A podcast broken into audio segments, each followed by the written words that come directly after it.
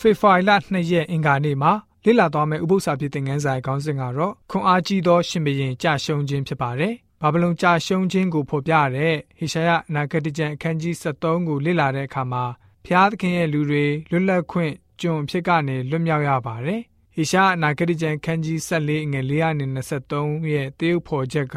ဘာဗလုန်ရှင်မြင်းကိုဆန့်ကျင်ခြင်းဖြစ်ပါတယ်။ကြပြဆက်ဆူခြင်းဖြစ်ပြီးတော့အတိပ္ပယ်တိုက်ရိုက်မဟုတ်ပါဘူး။ ရှင်မြင်းဟာတင်မင်းအရေးလွှမ်းမိုးတဲ့အရက်မှာမိမိရဲ့အပေါင်းဖော်တွေကိုနှုတ်ခွန်းဆက်စကားပြောဆိုခြင်းအကြောင်းကိုတင်ဆက်ထားပါတယ်။ပိုးကောင်တွေတီကောင်တွေကိုခင်းပြီးတော့အိပ်ရတဲ့အရက်အဲ့ဒီမင်းရဲ့အခြေအနေကတော့ဖျားသခင်ကနှိမ့်ကြတဲ့အရက်မှာခြာထားလိုက်မယ်လို့ဆိုလိုခြင်းဖြစ်ပါတယ်။မာနထောင်လွှားတဲ့အခြားရှင်ဘုရင်တွေသူ့ရဲ့ရှေ့မှာတွားတဲ့လမ်းကိုပုံဆောင်ပြောဆိုခြင်းဖြစ်ပါတယ်။ တေဆုံးမဲ့မရဏနိုင်ငံအရက်ကိုဆိုလိုတာမဟုတ်ပါဘူး။ဟေရှာယအနာဂတိကျမ်းခန်းကြီး14ငွေ12ရာနေ14ဟာဘာဗလုန်ရှင်ဘုရင်ကိုဘယ်လိုမျိုးရေညှိုးနေတယ်လဲဆိုတာကိုကြည့်ကြပါစို့။အိုးနဲ့နဲ့သားမိုးတောက်ကျဲတင်းသည်ကောင်းကင်ကကြလေပြီတကားအပြည်ပြည်တို့ကိုနှိပ်စက်သောတင်းသည်မြေတိုင်အောင်ခုတ်လဲခြင်းကိုခံရလေပြီတကားတင်ကလည်းကောင်းကင်ဘုံသို့ငါတက်မည်ဖျားသခင်ဤကျဲတို့အပေါ်မှာငါပလင်ကိုငါချီးမြှောက်မည်မြောက်မျက်နာဘက်ဗျာဒိတ်တော်တောင်ပေါ်မှာငါထိုင်မည် မိုးတိမ်ထိပ်ပေါ်သို့ငါတက်မည်အမြင့်ဆုံးသောဖျားကဲ့သို့ငါနေမည်ဟုစိတ်အကြံရှိလေပြီဆိုပြီးတော့ဖော်ပြထားတာတွေ့ရပါတယ်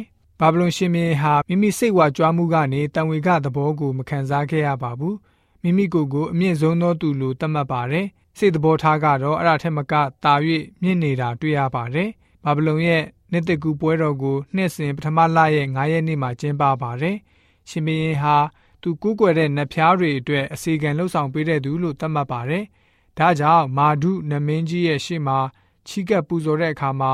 ရှင်မင်းရဲ့အဆောင်အယောင်အားလုံးကိုဖယ်ရှားထားရပါတယ်။အဲ့ဒါမှသာရှင်မင်းဟာမာဒုရဲ့ကူညီမှုရရှိပြီးတော့အာနာတကူတိမြဲမှာဖြစ်ပါတယ်။သေးငယ်တဲ့နတ်ရဲ့ရှေ့မှာ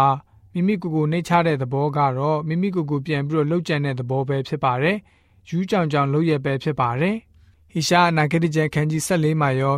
ယေဇကျေလအနာဂတိကျမ်းခန်းကြီး28မှာရော မြို့တော်ကိုအုပ်ချုပ်တဲ့သူဟာမိမိမာနထောင်လွှားခြင်းကိုမိုးထီအောင်မြင့်စေတယ်။လောကမှာရှိတဲ့မင်းတွေဟာမာနထောင်လွှားကြတဲ့အခါမှာဖျားသခင်ရဲ့ဒဏ်ခတ်ခြင်းကိုခံရမှာဖြစ်ပါတယ်။အေဒင်ဥယျာဉ်မှာကြွားဝါခဲ့တဲ့သူဘိသိက်ခံနိုင်ရသူလုံခြုံစွာတွာလာခဲ့ရသူဖျားရှင်ရဲ့တောင်ပေါ်မှာနေထိုင်ခွင့်ရတဲ့သူ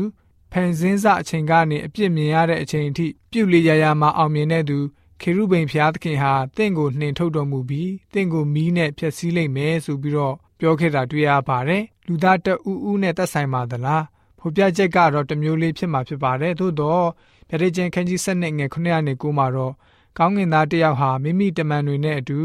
ကောင်းကင်ကနေနှင်ထုတ်ခံခဲ့ရတဲ့အကြောင်းကိုရေးသားထားပါတယ်ဆာရမဏကကဘာတဝမ်းကိုလိန်လည်ခဲ့တဲ့သူပဲဖြစ်ပါတယ်။အေဝါကိုအေဒင်ဥယျာဉ်တော်ထဲကနေလှည့်ဖြားခဲ့သူဖြစ်ပါတယ်။စာဒန်ဟာမာနစိတ်ထောင်လွှားခြင်းအပြစ်ရှိပါတယ်။ ယေဇကျေလနာဂတိကျမ်းခန်းကြီး28အငယ်1မှာတင်းဒီကိုကိုဖျားသခင်ကဲ့သို့ထင်မှတ်တော်လဲဖျားသခင်မဟုတ်လူသက်သက်ဖြစ်လျက်နှင့်ငါသည်ဖျားဖြစ်၏ပင်လယ်အလယ်၌ဖျားပလင်ပေါ်မှာငါထိုင်မည်ဟုဝါကြွားသောစိတ်နှင့်ဆိုသည်ဖြစ်၍ဆိုပြီးတော့တွေ့ရပါတယ်သူ့ရဲ့တေခြင်းဟာသူဟာဖျားမဟုတ်တဲ့ကြောင်းကိုသက်သေခံပါလိမ့်မယ်ခရစ်တော်လိုမဟုတ်ပါဘူးစာတန်ဟာမိပင်လယ်ထဲမှာဖြစ်စည်းခြင်းကိုခံရပါလိမ့်မယ်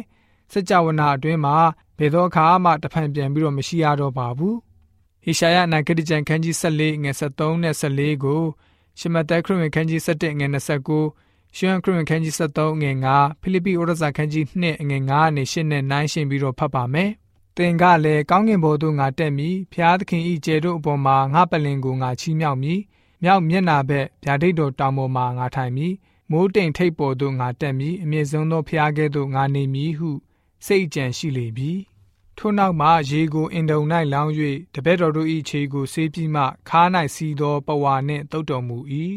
ငါတဘိုးကိုတင်၍ထမ်းကြလော့ငါထမ်း၌နီးခံကြလော့ငါသည်နူးညံ့သိမ်မွေ့နှိမ့်ချသောစိတ်သဘောရှိ၏သင်တို့စိတ်နှလုံးသည်တက်တာခြင်းကိုရလိမ့်မည်